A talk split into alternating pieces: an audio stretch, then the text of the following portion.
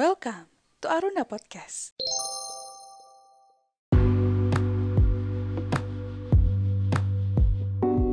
Halo, selamat malam, selamat pagi, selamat sore, selamat siang buat kamu di mana pun berada.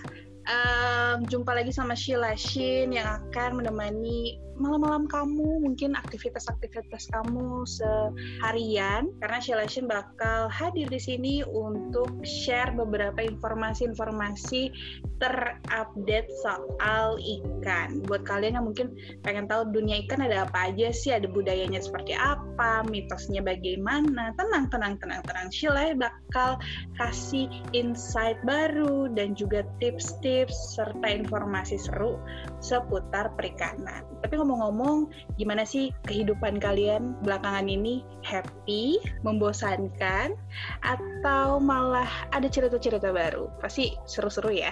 Yang penting pokoknya buat teman-teman harus jaga kesehatan dan juga selalu happy di mana pun kalian berada karena hidup bahagia itu penting coy ya kan capek kerja mulu tapi nggak bahagia bahagia wah jangan harus bahagia ya pokoknya untuk Aruna Friends aku ada punya temen nih, harus ada yang nemenin aku dan biasanya suaranya dia ini terdengar sangat familiar dan juga terkenal di podcast Nakama Aruna. Siapa lagi kalau bukan ada Sabda? Hai Sheila, selamat malam Aruna Friends, malam, siang, pagi, sore. Semoga kalian semua bahagia ya, seperti openingnya Kak Sheila tadi harus bahagia. Sheila, hai. Hai Sabda, lagi di mana Sab? Lagi kebetulan hari ini lagi ada di rumah, gimana sama keluarga nih, quality time bersama keluarga gitu. Aduh asik banget. Dan ngomong-ngomong nih, selama pandemi ini kan kita diwajibkan untuk working from home dan sudah melewati 3, 4, 5 bulan mungkin uh, bekerja dari rumah. Perasaannya gimana? Senang, bosan? Perasaannya tuh ibarat kayak kita makan permen nano-nano tau gak sih kak? Waduh. Jadi ada rasa manisnya, ada rasa asemnya, ada rasa pedesnya gitulah. Tapi intinya mau itu WFH atau misalnya WFO, uh, bagaimana kita menyikapinya sih? Kalau aku pribadi lebih kayak ya udahlah bersyukur gitu. M mungkin ini adalah jalan Tuhan gitu kan untuk diuji di tahun 2020 ini gitu. Cakep banget. Selain pakar ikan, ternyata ini juga ya rohani kuat lah ya. Oke, okay. Alhamdulillah ya. Iya betul. Dan ngomong-ngomong nih, aku tuh kalau lagi sendiri gini suka keingetan sama cerita cerita-cerita orang tua dulu. Apalagi banyak banget mitos-mitos yang kadang-kadang harus kita turutin nih dari orang tua. Contohnya, aku punya contoh. Nyapu itu harus bersih. Kalau misalnya berantakan nanti cowok kamu berewokan. Wah, kalau aku ya aku berantakin aja karena aku ya cowok berewokan sekarang lumayan lah ya. Betul banget sih orang-orang tua zaman dulu sering banget ya ngomong-ngomong kayak gitu ya mitos-mitos yang aku juga gak ngerti gitu maksudnya Bener. apa sih gitu kan. Tapi kalau misalnya nggak diikutin berasa kualat ya kan kita kan. Terus ada juga nih satu mitos yang aku juga sampai sekarang masih mikir kayak apa apa kaitannya antara piring dan punya jodoh banyak. Jadi mamaku selalu bilang makan itu jangan ganti-ganti tempat, jangan berubah-berubah tempat nanti jodoh kamu banyak. Maksudnya jodoh kamu banyak gimana mah? aku bilang kayak gitu kan. Terus iya nanti kamu uh. banyak suami itu itu kaitannya suka agak-agak nggak relevan gitu loh. Bingung ya? iya benar. Dan kalau dari Sabda sendiri ada nggak sih teringat mitos orang tua? Hmm, kalau aku tuh paling ingat kalau misalnya lagi nyapu kak, kayak nyapu tuh yang bersih, jangan jangan apa ya, jangan dikasih ke orang lain gitu. Biasanya kan aku suka mager kayak nyapu cuma bagian kamar, terus habis itu aku nyuruh orang lain nyuruh adik aku gitu. kan nanti jodoh kamu diambil sama adik kamu, katanya kayak gitu.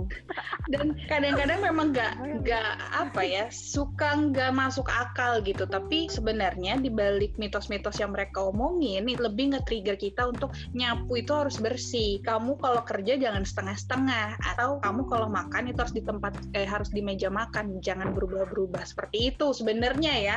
Cuman kadang-kadang dikaitkan dengan mitos-mitos yang aneh-aneh Iya, lah betul, dibawa betul. ke jodoh atau dibawa ke kehidupan sehari-hari. Jadi kayak eh, sebagai anak yang eh, berbakti pada orang tua jadi harus mengikuti semua kata-kata orang tua. Dan ngomong-ngomong kalau disangkut pautkan nih saat tentang mitos yang ada di dunia perikanan kayak banyak banget ya, Sab? Banyak sih. Banyak beberapa hal yang dikaitkan sama ikan tentunya ya di kehidupan kita. Kira-kira apa nih Kak mitosnya nih? Kak, Lala udah belum? Oke, jadi ini ada mitos. Mitosnya tuh unik banget. Katanya ikan-ikan ini membawa hoki buat si pemiliknya. Nah, contoh-contohnya itu ada beberapa nih, Sab. Ada ikan koi, ada ikan arwana, ada ikan palmas. Nah, ikan palmas ini ikan panjang, katanya magnet rezeki. Uh, cakep. Ada ikan lohan. Ikan lohan sering banget nih kita dengar ya. Terus ada ikan mas koki, Ya. sama longfin koi, dan juga ikan dewa. Kalau dari Sabda sendiri, percaya nggak sih sama mitos hoki-hoki tersebut? Percaya nggak percaya sih Kak, soalnya dari ikan yang Kakak sebutin tadi aku belum pernah memelihara ikan itu. Jadi nggak ada efek yang aku efek yang aku rasakan gitu. Sama Tapi sih, cuma kebanyakan orang banyak yang banyak tapi kebanyakan orang iya sih banyak banget ini masuk berita yang ngomong kayak kayak, eh, kayak ikan ho, ikan koi atau ikan arwana itu adalah ikan-ikan pembawa hoki kayak gitu. Bener. Kalau kalau dari Sabda sendiri pernah dengar nggak sih harga, harga ikan ikan termahal tuh ikan apa? Aku cuma tahu kayak ikan arwana itu juga termasuk ikan yang mahal, cuman harganya berapa kurang tahu sih kak kayak gitu. Karena seberapa pun harganya semahal itu kayaknya aku belum mampu deh bu- buat belinya. Waduh, bener juga sih. Kadang-kadang kalau kita punya duit, kepikirannya bukan beli ikan, beli yang Eh, lain-lain iya. lah ya. Sekarang sekarang lagi Ya, rame eh. banget tuh yang namanya uh, beli aset-aset saham lah, ya invest di saham. Cakep. Bener, ada invest di emas itu katanya tuh lebih baik gitu. Nah, tapi nggak tahu buat para kolektor-kolektor yang suka beli ikan-ikan tersebut dan dengar-dengar katanya itu yang termahal ikan arwana itu sekitar 5,7 miliar per ekor. Wow, gila 5,7 miliar. Kan kita bisa beli rumah, cuy. Kebayang sih. Hmm, bukan lagi kak, dari rumah lima tingkat kayaknya. Waduh, cakep, cakep. Nah, katanya tuh, kenapa ikan arwana ini sering banget dikejar oleh para kolektor karena pengaruh warna dan juga bentuknya serta ukuran panjangnya yang menjadi poin menarik dari kolektor-kolektor tersebut. Gitu. Iya sih, kalau dilihat dari ikan arwana itu kan ikan yang sangat unik ya, kayak gitu. Apalagi dari panjang tubuhnya itu. Mungkin itu adalah salah satu eh, ciri atau daya tarik untuk kolektor-kolektor ikan untuk beli gitu. Betul. Dan mitosnya dari semua ikan yang tadi aku sebutin itu dianggap sebagai keberuntungan bagi si pemeliharanya. Wah, gua nggak tahu juga sih antara antar ikan sama pembawa rejeki itu ada hubungannya di mana. Tapi ya nggak tahu lah ya. Percaya nggak percaya ya namanya juga mitos. Kalau dari Betul. Sabda ada mitos apa sih? Kan kalau tadi aku kan ngebawanya mitos-mitos tentang pembawa hoki. nih. Siapa tahu si Sabda ada mitos lainnya nih. Kalau dari aku pernah dengar nih, katanya nih ya, katanya mitosnya itu kalau ibu menyusui yang mengkonsumsi ikan itu bisa membuat asinya jadi amis. Mitos atau fakta tuh kak? Hmm, kalau itu mitos deh kayaknya ya, Sab. Ya, betul. Ini ada dari beberapa artikel aku dapet katanya hal tersebut mitos.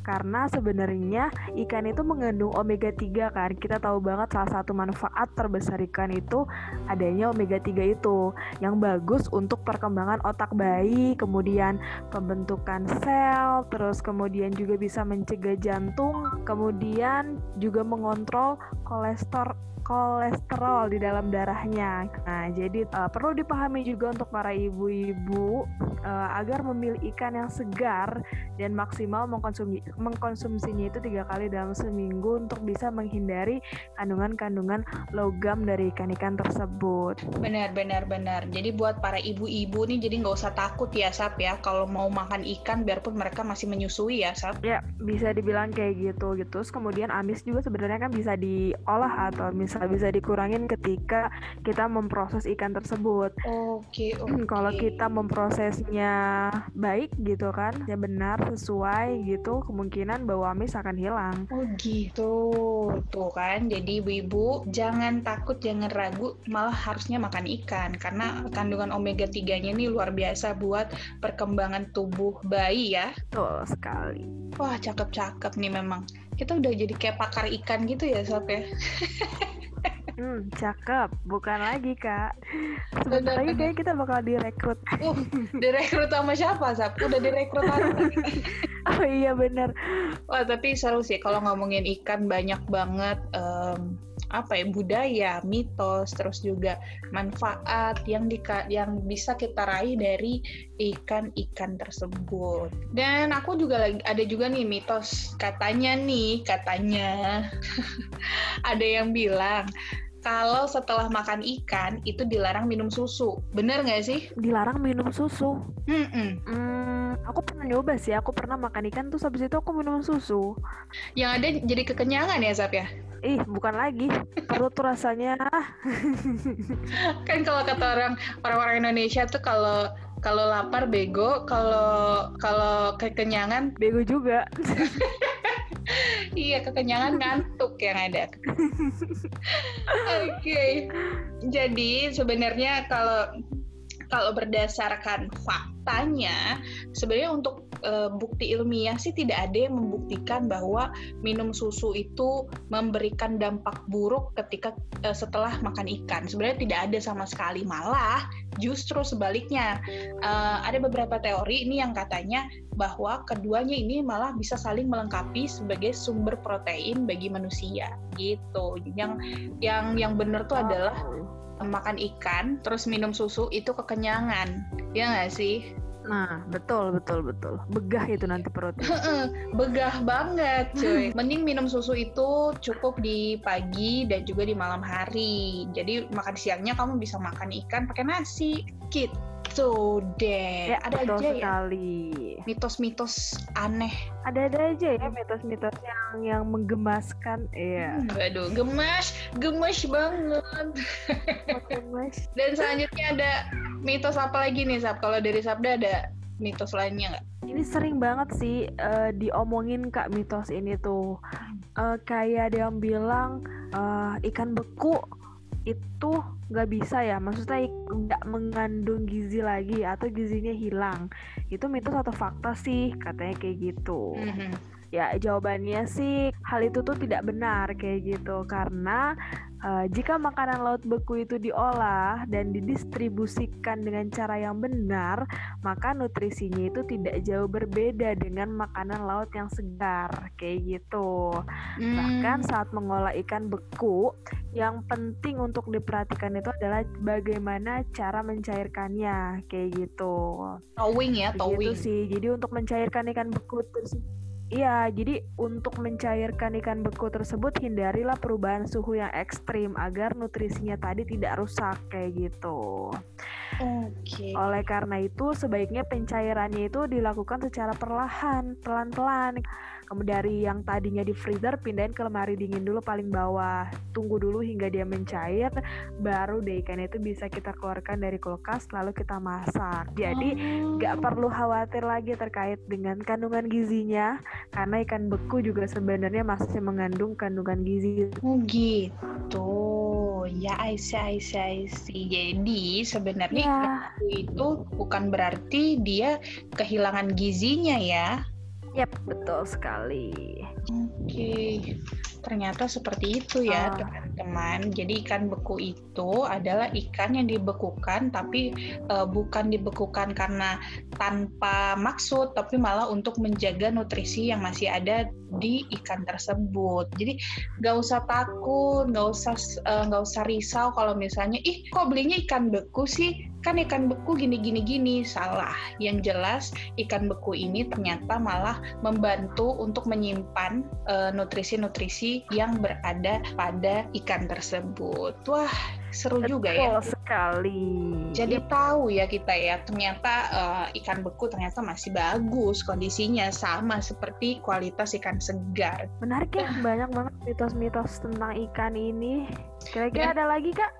Sebelum sebelum kita ke mitos-mitos lainnya, kalau Sabda sendiri seminggu misalnya atau sebulan berapa kali sih makan ikan? Kalau aku dalam seminggu ya, karena di keluarga itu suka suka banget ikan kayak gitu jadi hampir tiap hari aku masak ikan yaitu ikan ikan tongkol kayak gitu hmm. karena kakak cowokku suka banget sama ikan jadi otomatis aku pun jadi suka kayak gitu. Udah suka jadi makin suka gitu. Jadi tiap hari tuh aku ada masak balado ikan tongkol kayak gitu. Terus kadang aku bikin kayak kuah kuning ikan tongkol kayak gitu. Jadi ikannya satu tongkol cuman menunya aku bikin macem-macem. Ah jadi nggak terasa bosan ya biarpun makan ikan terus tiap harinya. Betul betul betul betul sekali itu. Wah enak banget kalau kalau gimana nih soal makan ikan? Eh btw hmm. pas tanggal satu kemarin tuh kan kita lagi memperingati hari ikan kayak gitu. Bener banget, bener.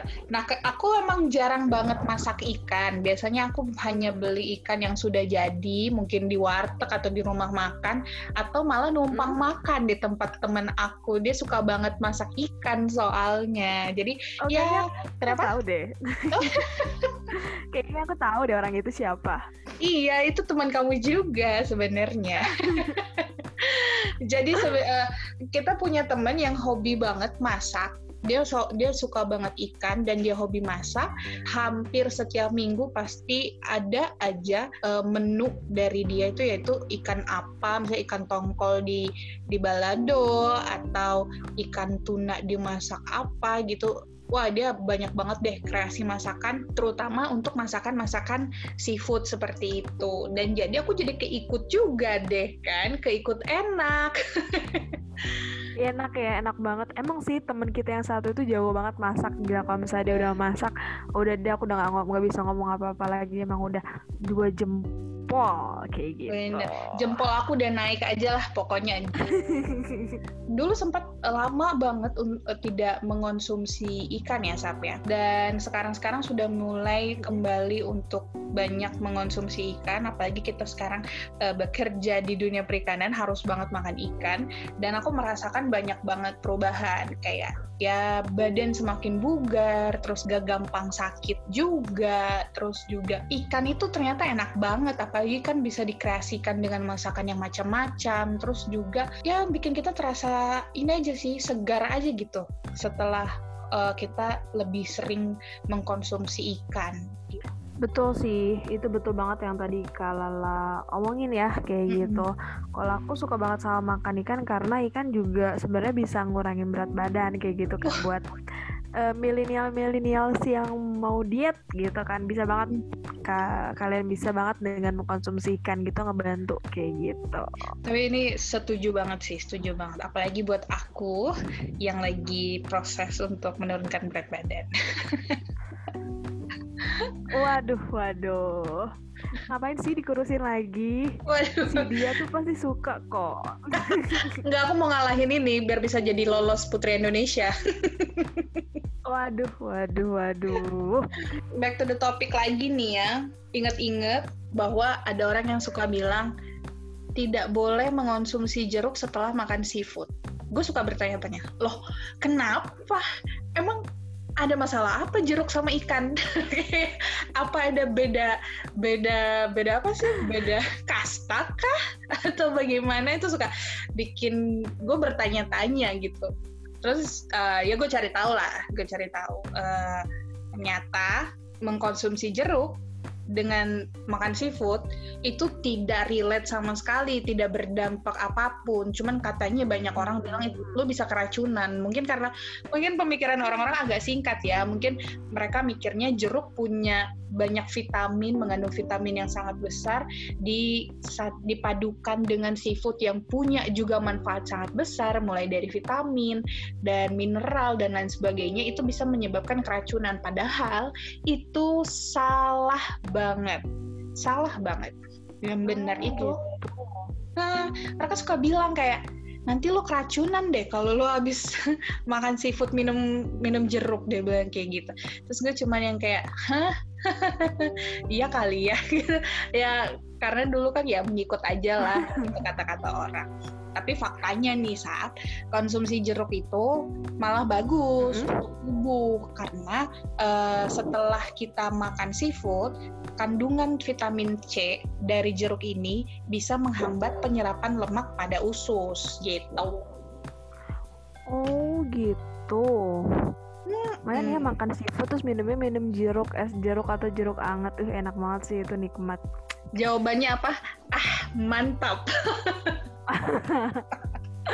Ah mantap mantap betul. Mantap, semongko lah pokoknya. Kalau kalau udah kepuasan duniawi lah makan seafood, minumnya es jeruk. Tapi perlu digarisbawahi bahwa eh, jeruknya jangan menggunakan gula karena ketika kita me- meminum minuman yang memiliki kadar gula tinggi bakal memicu tingginya kolesterol gitu Sap. Kalau yang aku dengar-dengar. Hmm, iya iya benar benar benar. Perlu jadi peringatan juga untuk kita sendiri ya, mulai Betul. mulai mulai lah mengurangi konsumsi minuman minuman atau makanan yang banyak mengandung kadar gulanya kayak gitu karena demi kesehatan tubuh kita juga tentunya.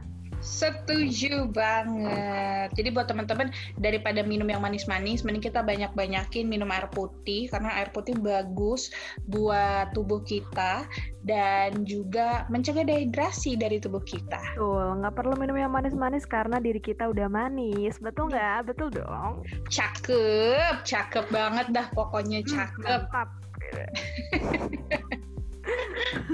Ada lagi nggak nih Sap? Ada yang Aduh, seru lagi nggak nih Sap? Nih aku baru banget dapet informasi mengenai mitos-mitos yang banyak banget kayaknya di diomongin, dibicarakan gitu ya di masyarakat.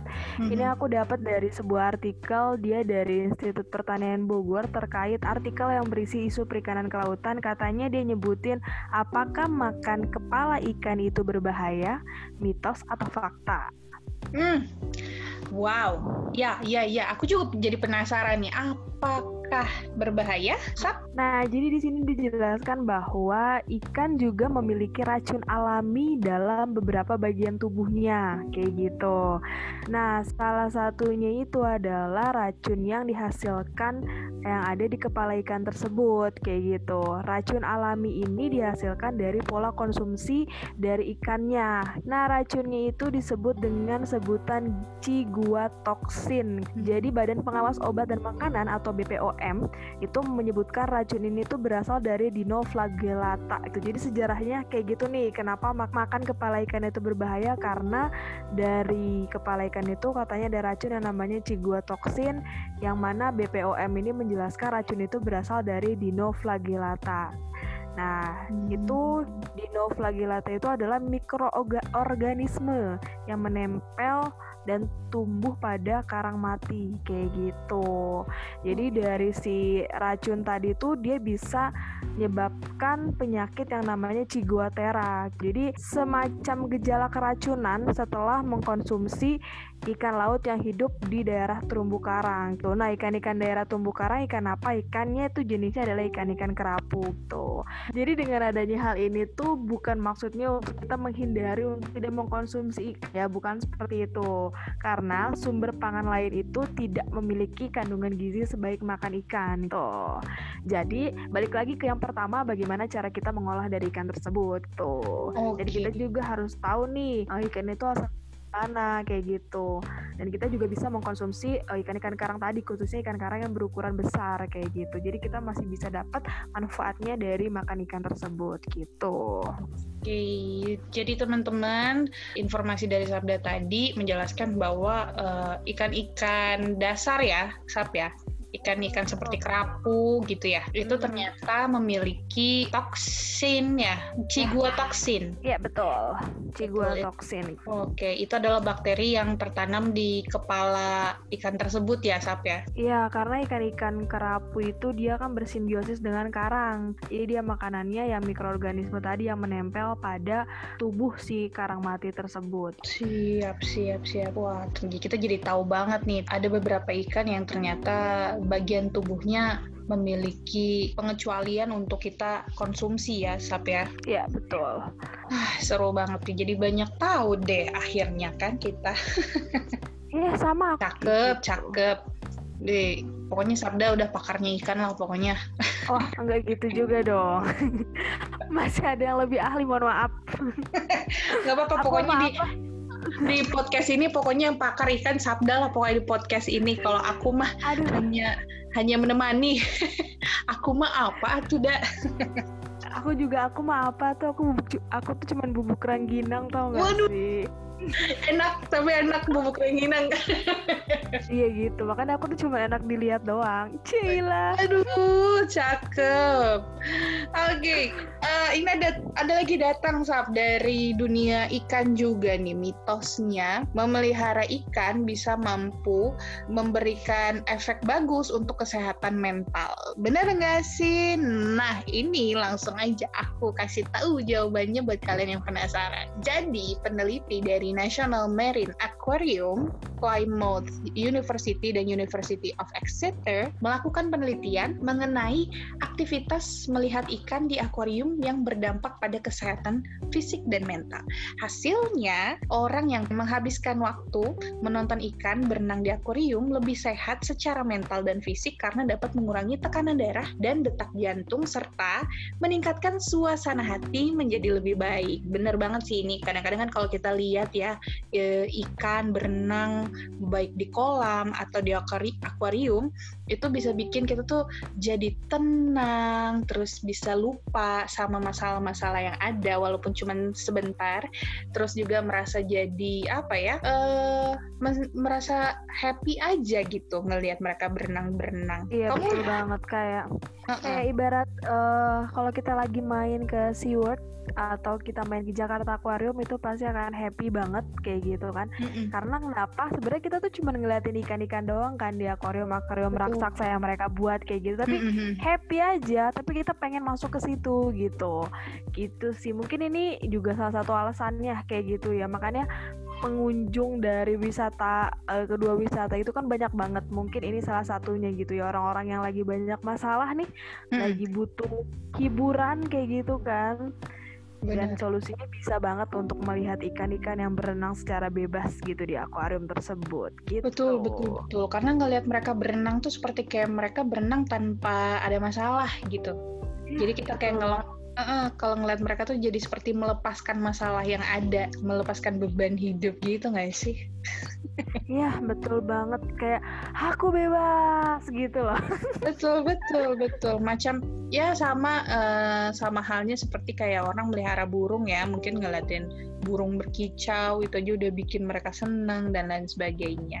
Dan kalau dari ikan ini sendiri eh, bisa ngebuat si pemiliknya atau pemeliharanya itu menjadi lebih aktif. Karena mereka jadi punya banyak kerjaan kayak eh, rutinitas membersihkan akuarium atau memberi makan ikan. Dan jadi mereka tidak merasa kesepian gitu loh Sap. Mereka bisa Hmm, iya, ngobrol betul, sama betul. ikannya. Walaupun ikannya nggak bisa ngobrol sama dia tapi jadi ada rutinitas baru lah buat mereka supaya tidak merasa bosan dan juga kesepian. Iya jadi kayak hobi baru gitu ya memelihara ikan kayak gitu kan. Bener-bener. Dan sebenarnya kalau dibilang ada hubungan gak sih antara hubungan batin atau hubungan apa ya antara pemilik dan si ikan ini ternyata tuh ada sap. Jadi kalau misalnya Hmm. kita nih eh, ngerawat sama aja kayak kita ngerawat anjing atau ngerawat kucing gitu dari bayi nanti si ikan ini pun juga jadi punya ada ikatan emosional lah antara si ikan dan juga pemiliknya. Jadi contohnya nih misalnya Oh. kalau misalnya si pemiliknya gitu datang ngeliatin akuarium, pasti secara tidak sengaja si ikan-ikan itu langsung kayak berenangnya tuh lebih semangat gitu, terus kayak muter-muter gitu, men- menunjukkan bahwa mereka happy ngelihat si pemiliknya itu. Oh gitu baru tahu loh aku. Berarti juga Iya. ikan ngerti ya kayak gitu. Mm-mm. Dan ini bisa relate juga nih sama eh, mitos ikan yang eh, sempat kita bahas di awal yaitu kayak orang-orang suka banget melihara koi, arwana, longfin koi, koki, ikan dewa. Mungkin saja bukan bukan hanya mereka Hoki. percaya tentang pembawa hoki tersebut, tapi mungkin ada hobi lainnya atau malah uh, memberikan manfaat lainnya dengan cara yang seperti ini, bisa menghibur mereka ketika lagi sedih, bisa berikan ketenangan juga ketika lagi ada masalah. Jadi ya sosok lah sebenarnya memelihara ikan di rumah. Ya betul sekali sih. Jadi kayak hobi baru, tempat bermain baru, apalagi sekarang kita dihadapkan dengan kondisi yang seperti ini, kayak gitu kan. Betul. Alternatif lain untuk bisa tetap uh, produktif gitu kan harus uh, salah satunya adalah menghiburnya itu dengan memelihara ikan tadi kayak gitu. Jadi kita Betul. punya aktivitas baru gitu. Betul sekali. Tapi kalau dari Sabda sendiri suka mancing nggak sih Sab? Aku sebenarnya nggak bisa kak, aku nggak ngerti mancing dan aku bukan orang yang sabaran. Cila katanya ada yang bilang kalau misalnya orang yang mancing itu adalah orang yang sabar gitu kan, sabar menunggu si kailnya itu bisa dapat ikan. Kalau Mhm, aku mhm. tipe orang yang gepesan gitu loh. Kalau misalnya terlalu lama tuh nggak bisa aku tuh gitu. Iya aku nggak bisa diginiin.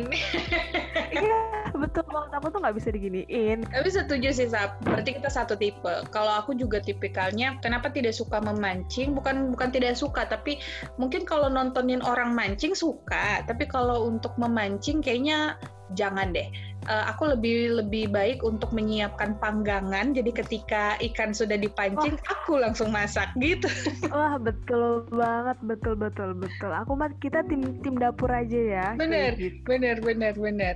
Jadi memang kalau pernah dengar juga sih, kalau memancing itu bisa mengolah mengolah emosi, lebih sabar, terus lebih tenang gitu ketika mereka memancing. Jadi eh, kadang-kadang kan memancing itu bisa memakan waktu seharian ya, di bawah panas Ya. teriknya matahari, wow luar biasa. Terus nunggu-nunggu ikannya mak- makanin kailnya dan lain sebagainya. Wah itu gue gua cukup applause banget buat nelayan atau juga eh, teman-teman yang hobi memancing seperti itu. Ya betul banget, setuju banget sih. Berarti secara tidak langsung mereka itu jauh lebih sabar gitu kan, sudah terukur loh secara Betul. emosionalnya karena mereka hobi mancing. Betul, setuju banget. Ah Terus mantap. semua kok kita jangan tiktokan di sini ya. Eh, aduh, ngundang brand sebelah. Iya bener nih. Tapi eh, kalau Sabda sendiri suka suka banget sama ikan apa sih Sab? Eh, kalau dibilang suka sama ikan apa, eh, lebih ke ini sih, apa ya ikan-ikan yang ukurannya besar-besar karena menjadi daya tarik aja sih kayak lumba-lumba, hiu, hiu Hmm. paus, kayak pari itu tuh unik aja gitu ngelihatnya apalagi pari ya kenapa dia bentuknya bisa kayak segi berapa tuh segi lima gitu Iya, kan kayak gitu Kayak taplak Gitu sih. kayak taplak meja ya bentuknya ya. betul betul kayak taplak meja tuh gitu tuh kayak unik aja Bener gitu bener. sih. Tapi kalau kalau ngelihat langsung udah pernah belum Sab? ngelihat langsung belum eh ngelihat langsung di akuarium mudah gitu tapi kalau misalnya ngelihat langsung yang ada di lautnya belum pernah sih Agak-agak serem ya kita ya. iya bener bener bener Takutan kalau ngelihat mereka dari jauh. eh bukan lagi aku sih Karena mikir macam-macam kalau mereka ada Cukup besar ya Sab ya ukuran pari Gitu, sendiri. betul besar banget sih lumayan gitu apalagi dia juga punya alat listriknya itu kan di eh, apa di ekornya itu loh di Hmm. belakang Heeh, kayak gitu aku nyebutnya ekor atau sirip ya itu ya pokoknya itulah di bagian belakang tubuhnya gitu Yang Alat agak listriknya runcing gitu. itu ya Sab ya. betul betul gitu di situnya gitu Oke oke. Tapi emang. Indonesia merupakan salah satu negara yang kaya akan jenis-jenis eh, ikan ya Sap ya. ya betul banget Hampir sekian puluhan hingga ratusan kayaknya ada jenis-jenis ikan yang unik-unik yang tidak bisa kita temukan di negara lainnya. ya Nah. betul betul keanekaragaman dari spesies ikan ini memang Hmm. banyak banget di Indonesia karena Indonesia salah satunya masih banyak terumbu karang gitu kan jadi masih banyak ikan-ikan karang di situ gitu sih Oke. Oh, oke. Salah Jadi satunya. sebenarnya terumbu karang ini juga menjadi salah satu habitat eh, terbesar ya buat perikanan. Iya betul karena apa ya karang itu adalah salah satu tempat sebagai penyedia makanan tentunya untuk ikan-ikan jenis karang tuh jadi banyaknya karang di Indonesia ini bisa menunjukkan juga banyaknya spesies ikan karang tuh pasti akan jauh lebih banyak juga tuh yang emang ada sebagian yang belum tereksplor gitu Mhm. gitu Wah, jadi makin tahu nih ternyata oh terumbu karang ini juga berpengaruh besar bagi kehidupan si ikan-ikan tersebut. Nah, tadi kita sudah banyak mm, berbicara tentang mitos-mitos ya ya, Sap ya? Banyak banget mitos-mitos lucu tentang ikan. Sebenarnya masih banyak lagi mitos-mitos yang aneh-aneh, yang lucu-lucu, yang mungkin uh, secara faktanya tidak benar, tapi tidak bisa kita bahas semuanya karena banyak banget ya, Sap ya? Bukan lagi banyak banget. Tadi aja aku nemu berapa tuh tadi? Dua, tiga itu baru sebagian doang ya. Benar. Dan buat teman-teman nanti yang mungkin penasaran, ih ada mitos ini nih tapi belum dibahas, boleh banget nanti bisa langsung DM aja ke @aruna.indonesia atau bisa langsung DM langsung ke kita berdua di @sheila_shin underscore atau abda underscore pesadewi bisa langsung DM ke situ. Cakep. Kalau tadi kita udah bahas mitos, terus kita udah bahas uh, banyak hal tentang ikan-ikan di Indonesia. Minggu depan kita akan ketemu lagi dengan bahasan yang lebih menarik ya Sat ya? Betul, betul, betul. Karena kalau ngomongin dunia perikanan dan kelautan itu nggak cukup cuma satu topik. Pasti akan banyak topik yang menarik yang bakal kita bahas tentunya. Kayak betul gitu. sekali. Jadi buat teman-teman mungkin ada pengen request untuk ngebahas topik lainnya, boleh banget. Boleh banget bisa langsung DM ke Aruna atau ke kita berdua. Dan next kita bakal bahas ada budaya budaya budaya di Indonesia eh budaya perikanan di Indonesia jangan sampai kelewatan. Dan juga nextnya nanti kita akan coba hubungi nih ya teman-teman yang ada di lapangan untuk cerita-cerita secara langsung pengalaman mereka dan juga insight mereka ketika masuk di Aruna. Karena untuk saat-saat ini kayaknya masih sulit deh ya anak-anak nakama Aruna ini. Lagi jam terbangnya lagi pada tinggi semua nih lagi pada sibuk. Ya betul banget. Anak-anak uh, anak-anak Aruna ini emang jam-jam jam terbangnya pada tinggi-tinggi semua jadi agak-agak susah nih kita schedule mereka untuk bisa join di podcastnya Aruna. Betul, ah. cuma kita aja nih yang jamnya kurang tinggi soalnya kita berdua doang ya yang ngisi iya. podcastnya Aruna. Duh, semoga buat teman-teman jangan jangan bosan-bosan ya dengerin kita berdua karena uh, memang suara kita pas-pasan tapi informasi yang kita kasih pasti nggak akan pas-pasan karena infonya terupdate dan juga ter, terbukti kece lah pokoknya informasi kita. Ya, betul sekali sekali kayak gitu. Jadi ya temen-temen jangan bosan-bosan untuk dengerin podcastnya Aruna walaupun yang mengisinya itu adalah suaranya ya si itu lagi si itu lagi. Tapi nggak apa-apa gitu kan. Justru dengan adanya podcast kita ya. ini kita bisa menghibur kalian-kalian semua gitu kan. Betul sekali. Nah uh, sebelum menutup perjumpaan kita pengen ngasih tahu aja buat teman-teman selamat Hari Ikan Nasional. Dan jangan lupa untuk makan ikan karena dijamin makan ikan ini bisa meningkatkan kesehatan tubuh kamu dan juga meningkatkan daya tahan tubuh kamu. Nah, supaya kamu gak repot-repot dan gak bingung untuk memilih ikan yang berkualitas baik, kamu bisa beli di mana nih, Sap? Sekarang gampang banget karena sudah hadir yang namanya Seafood by Aruna. Jadi kalian tinggal download aplikasi Tokped, Tokopedia atau Shopee. Kalian tinggal searching aja nama Seafood by Aruna. Di situ kalian bisa temukan produk ikan yang berkualitas tentunya yang langsung ditangkap oleh nelayan lokal. Jadi kalian tinggal pilih ikan mana yang kalian mau, mau masak atau yang kalian sukai. Terus kalian tinggal duduk cantik, duduk manis, ikan tersebut langsung datang ke tempat kalian. Tuh. Betul. Bayaruna adalah solusi praktis untuk kalian semua gitu. Ayo banyak-banyak yuk sekarang ajak teman-temannya untuk konsumsi ikan dan jangan lupa untuk beli Food by Aruna supaya kita berdua tetap bisa hidup. Ya Sap ya kan kita hidup dari oh, ini. bekerja untuk Aruna